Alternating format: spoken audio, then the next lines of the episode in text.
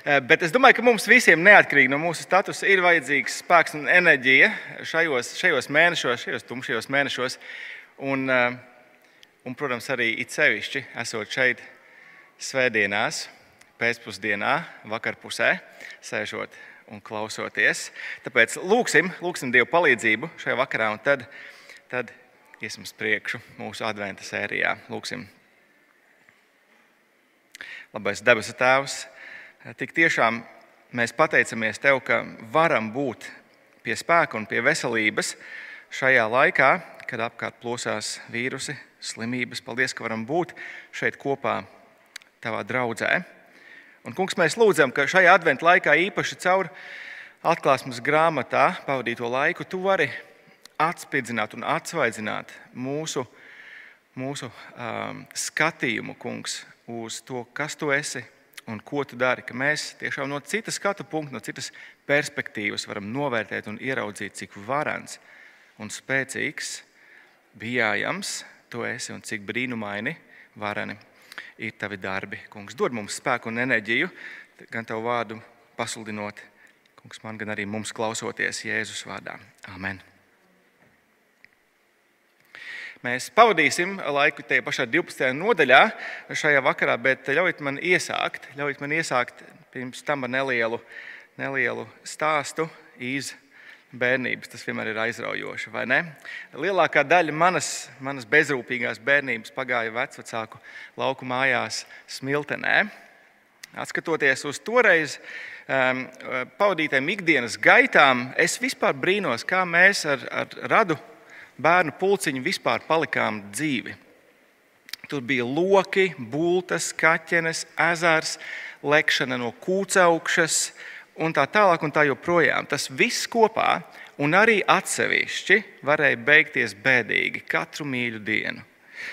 Mani vecāki bija ticīgi, Vakaros, kad mēs bijām nu, jau pierimuši savā gultās, vecmāma dziedāja garīgās dziesmas un skaitīja tēva reizi.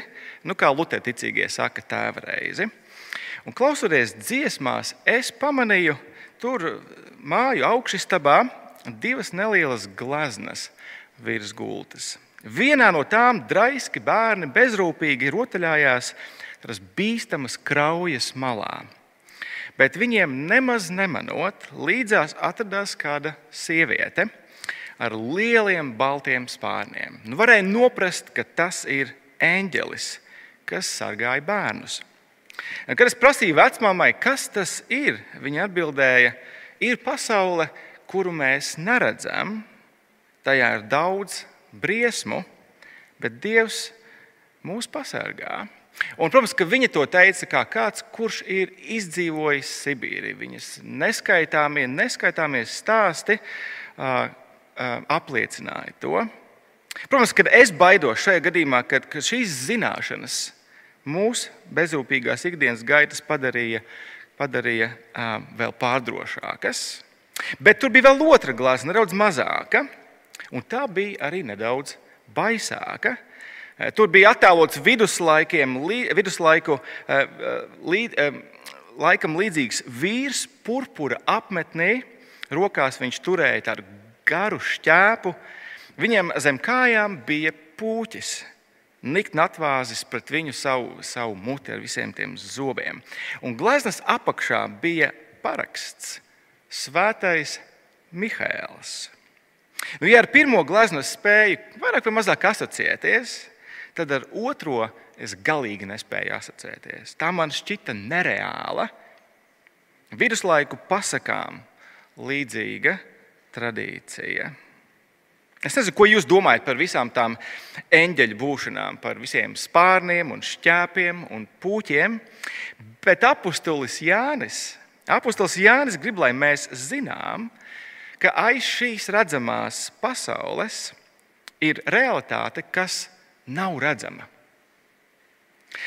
Padomājiet, tāpat kā aiz sāpošajiem kakliem šajā laikā un puņķainajiem deguniem, ir mūsu acīm neredzama vīrusu un baktēriju mikrobu pasaule.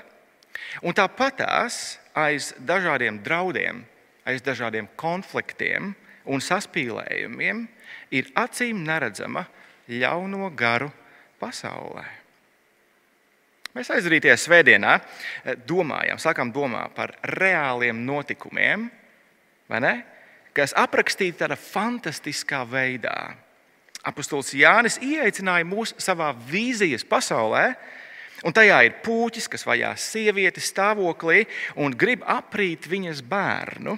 Un puķim tas neizdodas, jo bērns tiek aizrauts pie dieva troņa.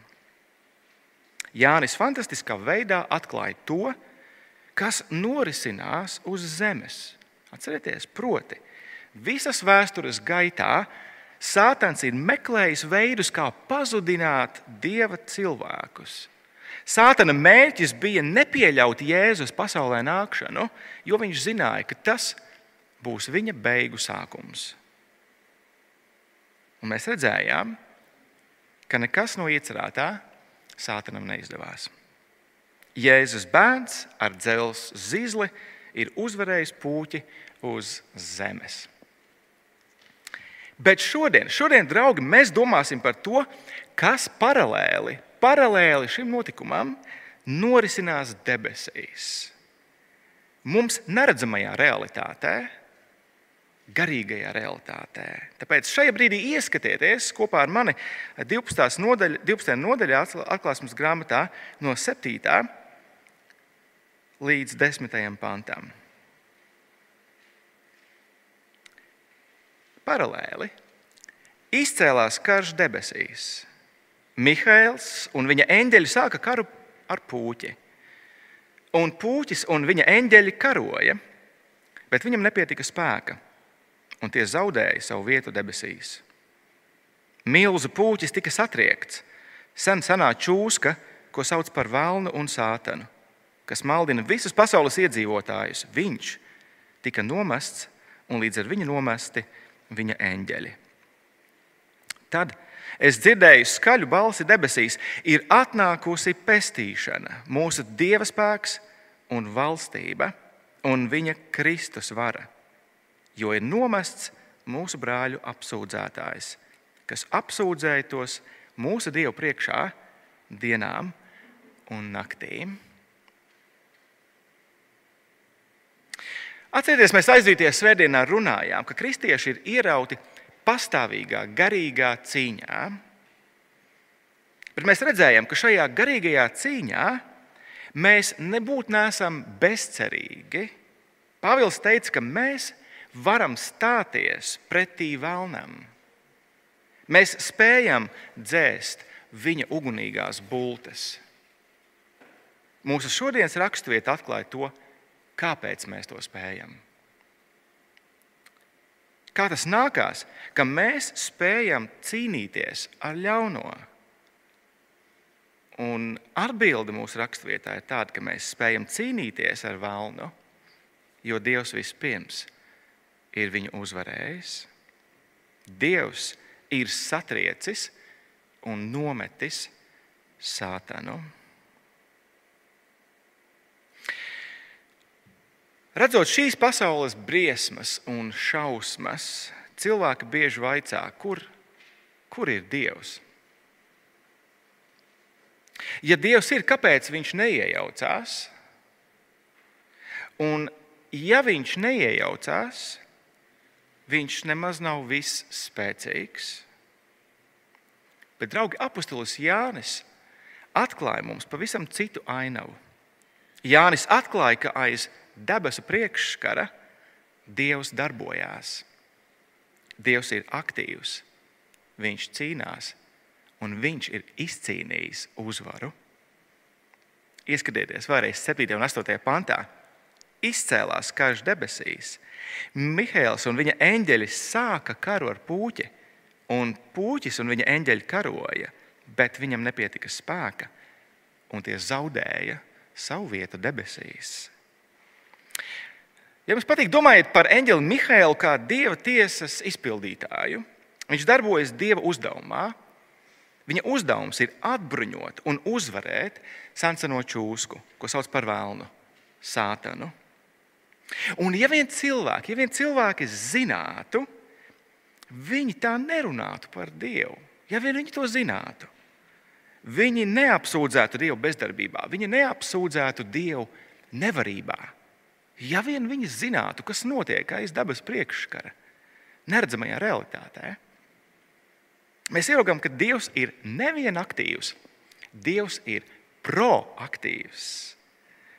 Rūpīgāk ieskaties vēlreiz 7. pantā, Mihēls un viņa eņģeļi, ko viņi darīja? Viņi sāka karu, viņi inicijēja karu. Dievs uzņemas iniciatīvu cīņā ar vēlnu. Tā ir Dieva pasaule. Viņš nedod, viņš nedod savu godu nevienam citam. Vēlns ir neielūgts ciemiņš šeit. Tā ir Dieva pasaule. Ja jums patīk, Dievs inicijē, viņš inicijē boksa cīņu ar vēlnu, jo viņš zina iznākumu. Viņš ir favorīts. Dievs nav kā Niks Enziņš, jeb Neids, kurš iedomājas, ka viņš var iekāpt ringā ar Kristapu zuti un, un palikt uz kājām. Tiem, kas nav informēti, pirms kāda laika Niks Enziņš, tas ir puisis, kurš, kurš iekulās ķezā par viltus ziņām, par tā saucamo sabrukušo alfa centru lielveikalu. Un tam ir kaut kāda saistība, es neatceros precīzi, kāda saistība ar to, ka viņš nonāca ringā pret, pret Zuti. Un Zutis gribēja pārmācīt Neidu vairs nerakstīt viltus ziņas internetā. Un tad mirkli birka pie šī YouTube video bija um, Restīna Pīs neids, kas nozīmē dusi mierā neids. Tur, tur bija tāds, uh, tāda spriedze nedaudz. Bet tā nav dieva un vēlna cīņas gadījumā. Dievs uzsāk cīņu ar vēlnu, jo viņš ir pārliecināts par savu spēku un cīņas iznākumu. Dievs ir proaktīvs. Un Dievs nav nespēcīgs, Dievs ir spēcīgs. 7. panta otrā puse un puķis un viņa eņģeļi karoja, bet viņam nepietika spēka. Un tie zaudēja savu vietu debesīs. Bieži cilvēki domā, ka Dievs un Vēlns ir tādi līdzvērtīgi, līdzvērtīgi spēki, kas pretinieki, kas cīnās tādā kosmiskajā cīņā viens ar otru, un nav zināms tas, iznākums šai cīņai. Bet tāds nav rakstu skatījums uz Dieva cīņu ar Vēlnu. Dievs ir pilnīgi citā svaru kategorijā. Tā nepavisam nav vienlīdzīga cīņa. Ļaujiet vēl nedaudz pakavēties pie boxa analoģijas puķa un viņa eņģeļu. Karš pret Dievu. Tas ir kā Zutis un Kambala kopā pret Maiku Taisonu. Pilnīgi nekādu izredzu, pilnīgi nekādu variantu, pilnīgi nekādas cerības. Pie, die, pie Dieva cīņas ar vēlnu gan neviens, protams, nerakstīs dusi mierā vēlns. Dieva ienaidniekiem nebūs nekāda miera. Nekāda miera. 9. pāns milzu puķis tika satriekts, sansanā čūska, ko sauc par vēlnu, un sātanu viņš tika nomests. Un līdz ar viņu nomesti viņa eņģeļi. Dievs ir satriecis sātanu. Sātans ir piedzīvojis apkaunojošu zaudējumu. Bet ko Jānis domā ar nomests? No kurienes nomests? Izskatās, ka Jānis šeit viss nerunā par vēlna sākotnējo izraidīšanu no paradīzes, ko mēs varētu secināt no, no pirmās mūzes grāmatas trešās nodaļas. Šķiet, ka Jānis šeit drīzāk runā par to, ka vēlnam vairs nav iespējas diskutēt ar Dievu. Viņam ir likvidēta caurlaide, viņam ir atņemta pieeja, viņam ir liekts ētera laiks ar Dievu. Kā tas bija piemēram Ijāba grāmatas dienās, kad Dievs varēja, Sātans varēja parādīties Dievu priekšā un diskutēt piemēram, par Ijābu. Bet kad tas notika? Kad Sātans tika nomests? Redziet, mums apslāptā un neredzamā Mihēla un viņa eņģeļu cīņa un uzvara pār vēlnu un viņa eņģeļiem tā norisinās ķedzemanas dārzā ar tās kulmināciju pie krusta lūk, mūsu paralēlie notikumi uz zemes. Kristum, mirstot pie krusta, Dievs izcīna šo izšķirošo uzvaru pār sātanu. Jēzus apliecina to. Viņš to apliecina jau ar ticības acīm raugoties, piemēram, Lūkas evanģēlijā, 10. nodaļā, uz to, kā 70 mācekļiem izdodas kalpošana. Kad viņi atgriezās atpakaļ no kalpošanas, viņi bija priecīgi. Priecīgi par to, ka ļaunie gari viņiem paklausa. Un Jēzus, redzot viņu kalpošanu, saka šādi Lūkas evanģēlijā: Es redzēju sātanu kā zibeni no debesīm krītam. Kā tas nākas, ka ļauni garē, gari varēja paklausīt mācekļiem Jēzus vārdā? Kā tas nākas, ka mācekļi spēja cīnīties ar vēlnu šajā brīdī? Kā tas nākās? Kas viņi tādi ir? Viņi nekas nav. Viņi to varēja tāpēc, ka Dievs šo cīņu ir izcīnījis vispirms. Jēzus ar ticības acīm redz, ko paveiks viņa nodotā miesa pie krusta, ko paveiks viņa izlietās asinis pie krusta. Kā tas nākas, ka Jāņa lasītāji pirmā gadsimta Romā viņi varēja stāvēt un pastāvēt iepratim Sātana sinagogai, kas Smirnas draudzes gadījumā, kas viņus vajāja. Kā tas nākas, ka Jāņa lasītāji 21. gadsimta Rīgā spēj stāvēt pretī Sātanam?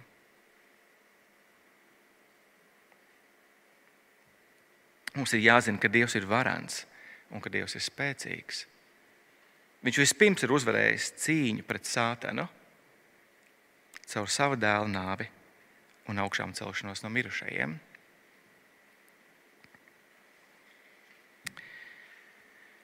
Bet kā tieši tas strādā? Nu, nu, kā, kā darbojas šajā brīdī um, tā visa Mihaila un, un, un, un sātana cīņa, kā tas darbojas, kas tur notiek. Un, lai to saprastu, mums ir jāierauga sātana ieroči, ar kādiem sātans cīnās. Un tie ir divi mūsu raksturvietā. Jūs ievērojāt?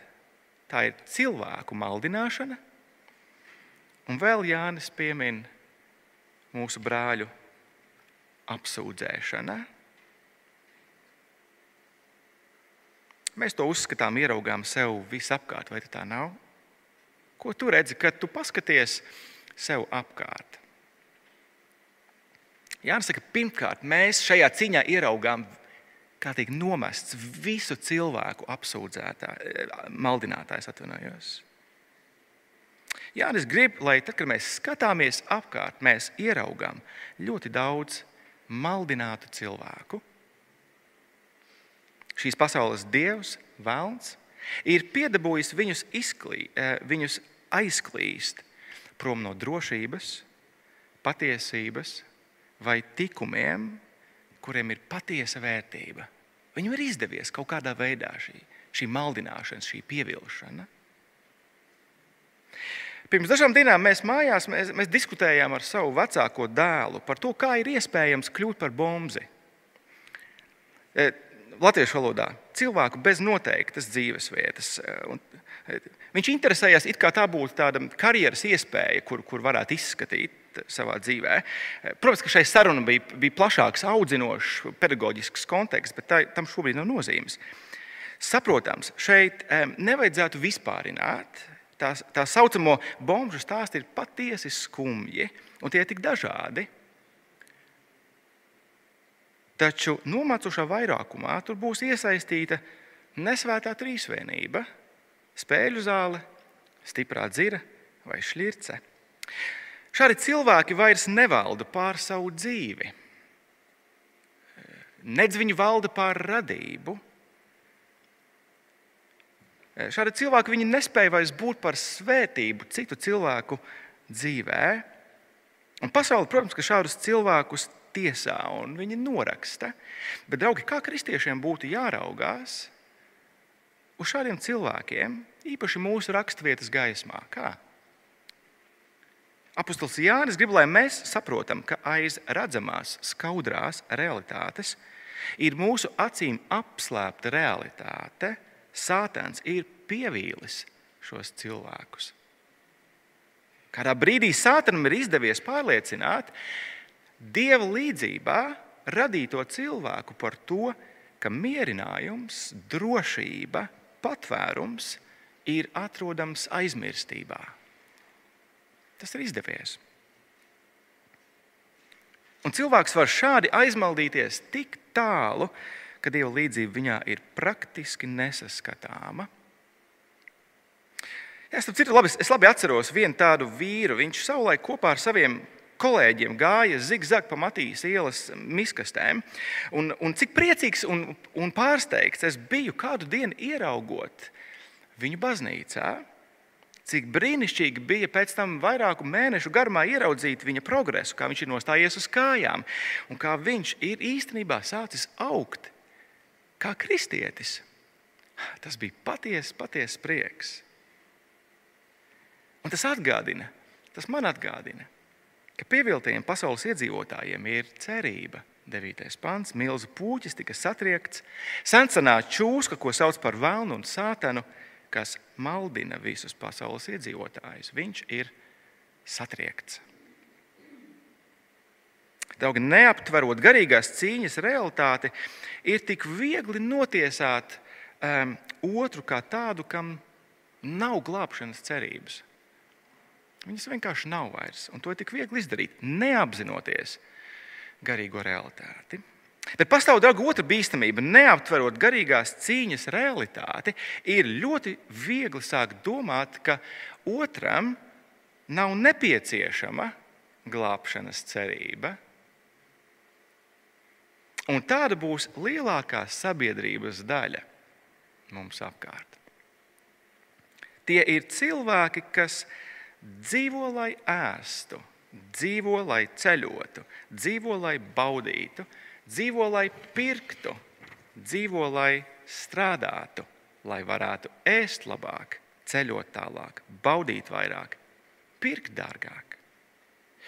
Nu, nu diena ir tik viegli aizmirst, ka glābšanas cerība ir vajadzīga izglītotiem, strādīgiem, pieklājīgiem, situētiem cilvēkiem, ar ļoti plašu redzesloku. Cilvēkiem, ar kuriem mums daudzējādā ziņā sakristu domas un uzskati, ir tik viegli aizmirst, ka šīs pasaules miers un labklājība ir tik iemīļots un efektīvs sātana maldināšanas ierocis. Kāpēc mēs joprojām cenšamies stāstīt par Jēzu visiem cilvēkiem? Atkal, 9. pāns, milzu puķis tika satriekts, sen senā čūska, ko sauc par vēlnu un sātanu, kas maldina visus pasaules iedzīvotājus. Mums ir jāpaturprātā, ka Dievs šo varu ir satriecis. Tāpēc mēs stāstām. Draugi, Jēzus uzvar pār vēlnu, dod mums pārliecību. Neviens stāstīt, bet dod arī pārliecību lūgt. Lūgt par to, lai debesu realitāte kļūst arī par mūsu draugu, mūsu darba kolēģu, mūsu ģimenes locekļu realitāti. Lūgt par maldinātāju varas gāšanu arī viņu dzīvē personiski.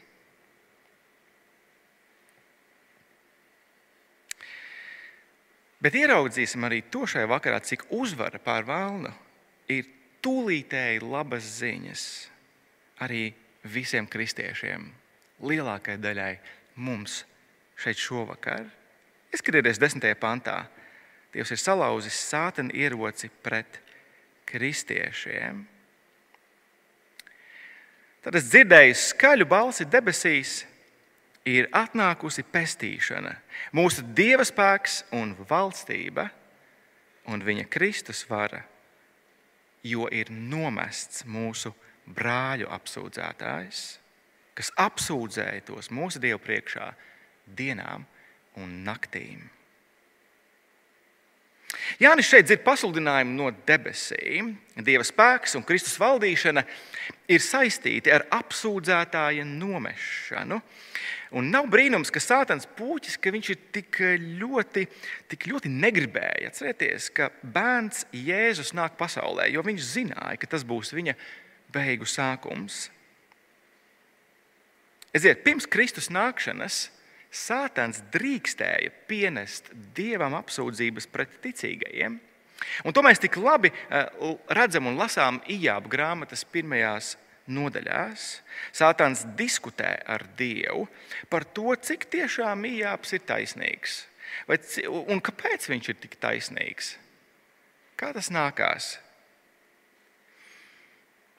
Un tad padomāsim nedaudz. Iedomājieties šo, šo debesu tiesas sēdi. Varbūt nevis īņķa gadījumā, iedomāsimies šo debesu eh, tiesas sēdi ilustratīvi mūsu gadījumā. Tur ir taisnais tiesnesis, dabas tiesas zālē. Viņš ir ieņēmis savu vietu tronī. Eh, bet tad ir ieradies arī apsūdzošais prokurors, Sātens ar savām septiņām parūkām. Ja, jo mums pagājušajā nedēļā bija septiņas galvas, un, un, un uz visām galvām vajag parūkas. Eh, ar visām septiņām parūkām viņš tur sēž. Viņš ir lepns, viņš ir atritinājis milzu, milzu garu sarakstu. Viņš sāk lasīt šo sarakstu dievam priekšā. Un tur ir pilnīgi viss. Tur ir visas detaļas iekšā. Saraksta sākumā tur ir salīdzinoši mazas lietas. Jo, jo pirmā, tur, tur tādas lietas kā pirmā reize, kad, kad tu nepaklausīji vecākiem, vai tu iesiti brālim, vai izrāvi māsai šķipsni no matiem ārā. Un, un tu parādi kaķā aiz astes, un tādas, kuras mēs teiksim, salīdzinoši maznozīmīgas lietiņas. Bet tad Sātans saka, nu, pagaidi, pagaidi, nu, aug buciņš, auga arī radziņi, un viņš turpina lasīt sarakstu. Un tad viņš iet pusauģa gados, un tad viņš nonāk līdz pieaugušā laikam, un tur ir tik daudz. Tur, ir, tur parādās apkaunojoši noslēpumi, tur parādās, tur parādās ļaunas domas, aizvainojoši vārdi, sāpinoša rīcība. Un saraksts šķiet ir nebeidzams. Un sajūta ir tik nelaba, ka, ka tu esi laimīgs, ka tavi draugi nedzird šo sarakstu, bet tas ir tik mazs mierinājums, jo šo sarakstu dzird Dievs. Un tur nelīdz pēkšņi kaut kur eh, prāta kaktiņā uzieta, uzieta patiesība par to, bet nekas Dievs jau ir mīlestība. Pareizi. Mēs tikko, tikko Jāņa vēstulē tik daudz par to domājām. Dievs ir mīlestība. Uh, Bet redziet, Dievs sēž savā tronī debesīs. Viņš ir taisnīgs tiesnesis. Viņš ļoti labi zina, ka viss tajā sarakstā ir patiesība. Un tagad, kad viņš ir nokļau, noklausījies apsūdzošā prokurora garo sarakstu, viņš kā taisnīgs tiesnesis nopūšās. Viņš saka, jā, Andim divi ar pus mūža ieslodzījumi bez iepriekšējas atbrīvošanas iespējām. Vai jūs ieraugāt, cik liela problēma ir mūsu garais grēku saraksts?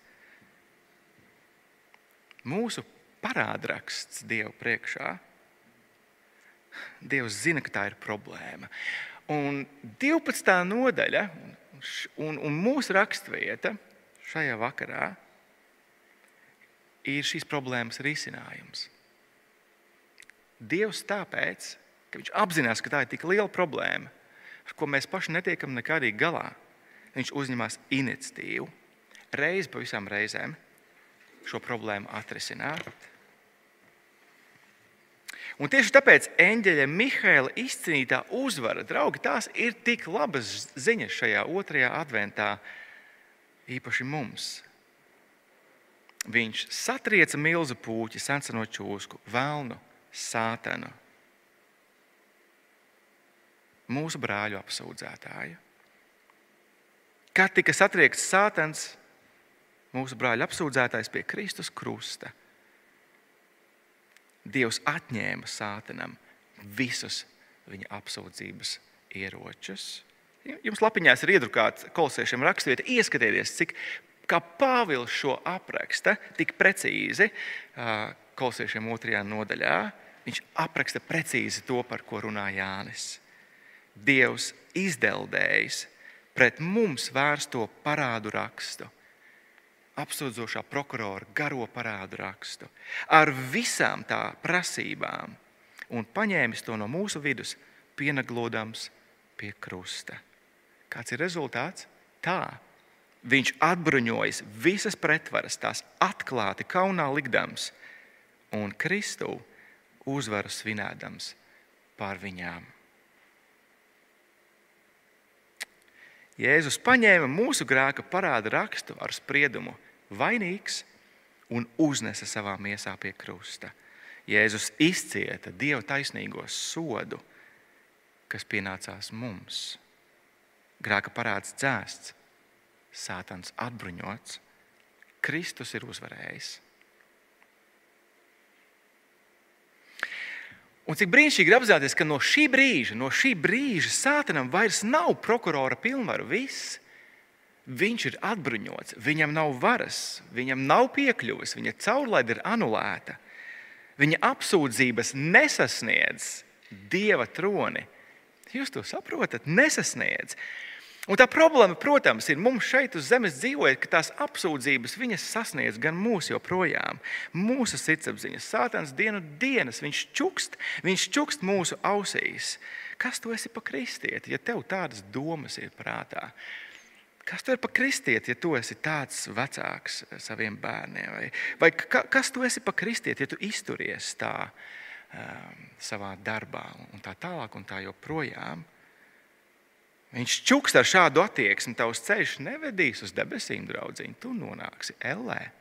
Viņš čukst, un mums ir jāatbild viņam, jā, jā tāds es esmu. Jā, es zinu, ka šāda dzīve nevar uz debesīm. Es zinu, bet Jēzus ved uz debesīm. Viņš ir uzvarētājs, un es piedaru viņam. Draugi, Jēzus ar šiem vārdiem viņš uzteica, viņš brīdināja, viņš iedrošināja šīs septiņas draudzes eh, pirmajā gadsimtā, tur, Āzijas provincē, kas gaidīja viņu otru atnākšanu. Un katrā no šīm draudzēm tur bija citas problēmas, daudz problēmas. Kāda bija lielākā bīstamība nekā cita? Bet Jēzus gribēja, lai viņi zina, lai viņi zina, kas notiek paralēli garīgai realitātei Tur notiek garīga cīņa, bet kurš ir uzvarējis?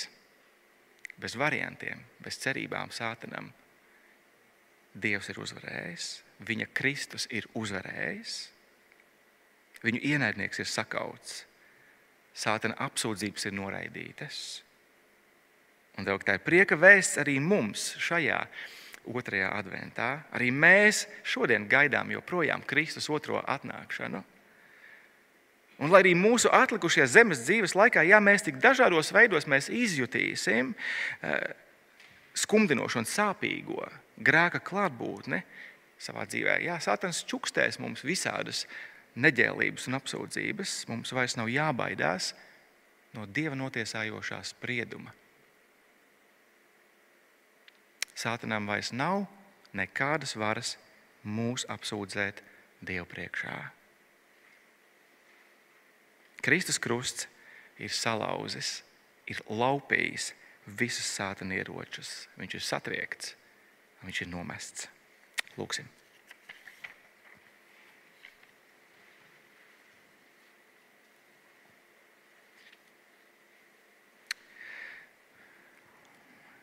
no tiesas dabas tēvs, kad mēs klausāmies Jāņa atklāsmes vārdos, mēs citreiz Pat nespējam noticēt, ka tā ir realitāte, kur tu apraksti. Zīmējoties uz mūsu pasauli vai zīmējoties uz mūsu dzīvi. Kungs, šajā pasaulē mēs tik, tik bieži ar savām miesas acīm redzam ļaunumu, netaisnību, sāpes, mēs tiekam sāpināti, mēs sāpinām. Mums ir grūti noticēt, ka mēs esam tiešām ceļā uz debesīm. Un tāpēc paldies Tev, Kungs, ka Tu atklāji to, kas notiek paralēli debesīs. Paldies par Tavu un Tavu Kristus uzvaru pār sātanu. Paldies, ka tiešām ir satriekts un ir salauzts sātana vara maldināt visas pasaules iedzīvotājus. Paldies, Kungs, ka ir pāri visam satriekta sātana vara apsūdzēt tavus bērnus Kungs, tāpēc palīdz mums cieši turēties pie mūsu kunga un glābēja. Palīdz mums stāstīt par glābšanu, par uzvaru, kas mums ir Kristū, cilvēkiem, kas tiek maldināti, joprojām maldās un tevi nepazīst. Kungs, iedrošini, iepriecini, stiprini mūs ar šo brīnišķīgo patiesību šajā adventu laikā. Jēzus vārdā. Amen.